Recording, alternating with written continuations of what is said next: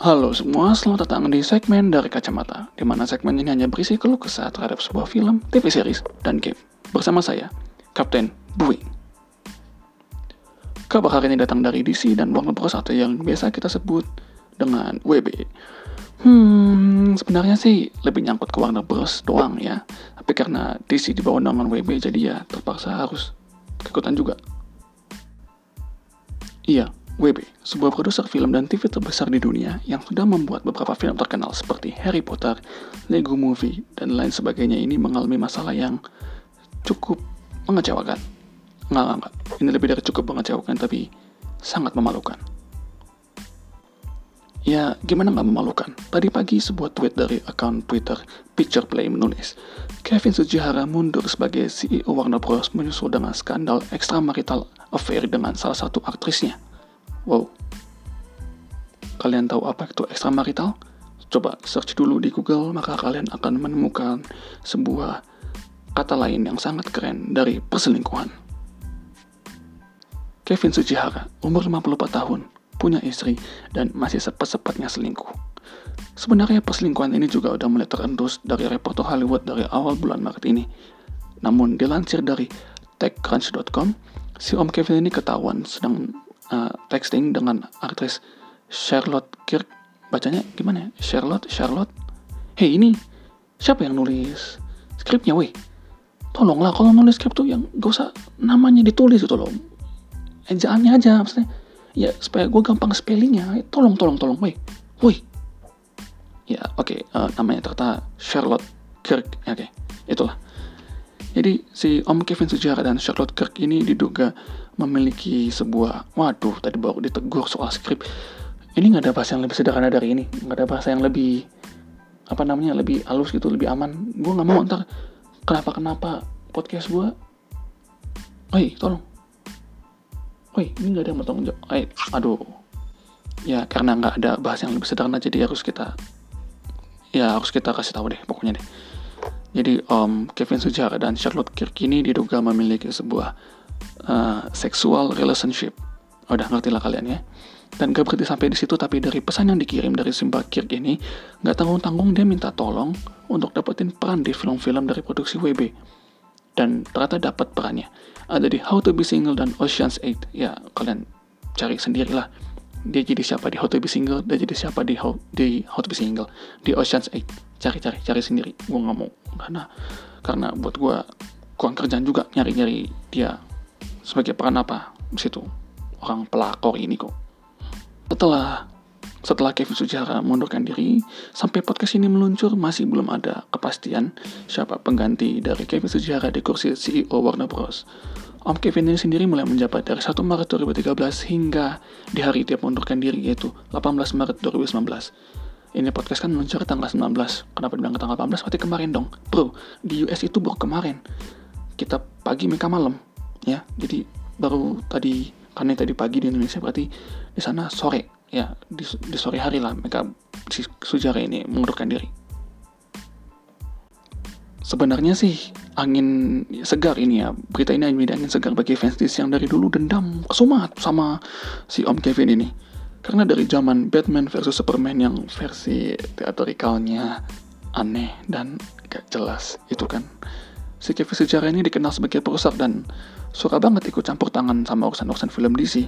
Contohnya tadi, BVS tadi, kelihatan banget bedanya antara versi teater dan Blu-ray, di mana versi teater itu busuk, karena campur tangan si Om Kevin, ya busuk parah pokoknya. Namun versi Blu-ray-nya itu bagus banget, dan dipuji-puji oleh banyak kritikus. Kenapa versi teaternya busuk? Ya gimana nggak busuk? Wong si Om Kevin Sokasya perintah itu film di sini ndak boleh lebih dari 2 jam, padahal aslinya si Om Zack buat dua setengah jam lebih no. Ih, so bikin kesal ini Om Sujihara ini. So, so dari dulu orang bilang ini perusak film di sini, perusak perusak emang. Gak cuma sampai di BVS aja, tapi hampir semua film-film DC ya selalu ada campur tangan dari si Om Kevin ini, termasuk yang akan keluar nanti film Shazam. Ya sekarang gimana ya? WB minta DC bisa bersaing sama Marvel, tapi uh, gak dikasih kebebasan, tidak dikasih uh, apa ya support lebih gitu kayak di sini kan support banget tuh Marvel ya semua semua dikasih kecuali uh, rated R ya. Rated untuk dewasanya itu nggak dikasih jelas karena Disney orientasinya anak-anak gitu kan. Tapi WB maksa untuk Disney bisa bersaing dengan Marvel dengan cara yang ya tidak sehat. Terlalu banyak kekangan terlalu banyak intervensi. Pusing DC pusing DC pusing. Gimana coba caranya? Tapi ya balik lagi. Ini menjadi angin segar bagi fans DC karena Om Kevin Sujara sudah mundur doa sudah keluar dan doa-doa fans sudah terjawab. Walaupun keluarnya nggak enak ya dan semoga nanti penggantinya Om Kevin Sujihara di kursi CEO WB itu nggak iseng otak-atik film-film DC seperti si Kevin Sujihara laknat ini. Oh hampir gue lupa. Uh, eh, gue juga tidak mengingatkan eh tidak mengingatkan gue juga mengingatkan bahwa film superhero dari DC itu Shazam rencananya akan rilis tanggal 5 bulan April 2019 ini di US. Ya kalau Indonesia sih biasanya layarnya lebih dulu ya, seminggu lebih dulu gitu biasanya tampil. Tapi ya semoga aja bisa seminggu lebih dulu, kadang bisa seminggu ku, seminggu kurang ya. Tapi semoga aja lah lebih lebih dulu lah itu pokoknya. Gue mintanya lebih dulu supaya kita bisa ngeceng-cengin bule-bule yang belum nonton. Oke, okay, next. Kabar selanjutnya itu datang dari Indonesia sendiri, di mana Waduh, ini siapa sih nulis skrip? Kenapa harus bahas film ini, weh? Aduh, harus dibaca lagi ya. Oke lah, di mana Warkop DKI Reborn secara mengejutkan mengeluarkan film lanjutannya, yaitu Warkop DKI Reborn 3 dan 4. Sungguh luar biasa, saudara. Tepuk tangan dulu. Dilanjutkan filmnya ya, DKI Reborn ini ya, Warkop Reborn. Pusing gue, kenapa harus kenapa harus dilanjutin ya maksud gue udahlah udahlah udah berhenti di satu dua tuh udah, udah cukup lah nggak perlu lagi lanjutin lah. Kenapa harus ada tiga dan empat gitu dan anehnya uh, personilnya diganti gitu yang tadinya Abimana dan teman-teman harus diganti dengan personil baru. Ya nggak usah diganti juga nggak apa-apa nggak usah ada lanjutan nggak usah ada lanjutannya juga lebih baik ya. Ya emang memang nggak usah ada lanjutannya lah emang usah harus berhenti sih sebenarnya di Warkop DKI Ribbon 2 gitu loh. Udahlah udahlah nggak usah dilanjutin lagi lah. Film lawas legend gitu nggak usah diribut-ribut juga udah mantep kok. Tinggal lu buat versi blu aja kenapa sih? Ih kesel gua. Ya film ini dilanjutkan dengan memasukkan pemain baru yaitu Adipati Dolken sebagai Kasino masih masuk di akal walaupun terlalu ganteng ya. Randy ya personel Niji sebagai Indro. Dan ini yang menurut gua tidak masuk di akal mantan pemeran GGS yang sangat terkenal dan sangat disayangi oleh masyarakat, apalagi emak-emak dan anak-anak remaja, yaitu Aliando Sharif sebagai Dono. Weh, ini tolonglah kalian kalau kalau buat film Legend mau di remake itu ya serius dikit masa Aliando Sharif jadi Dono. Nggak nggak masuk, nggak nggak masuk, nggak ketemu tengahnya tuh nggak ketemu gitu titik titik X-nya tuh nggak ketemu bro Aliando Syarif jadi Dono. Ya, yo, ya orang masuk lah ya. Ih, nggak pikir ini abang ganteng satu ini bisa masuk ya, ya.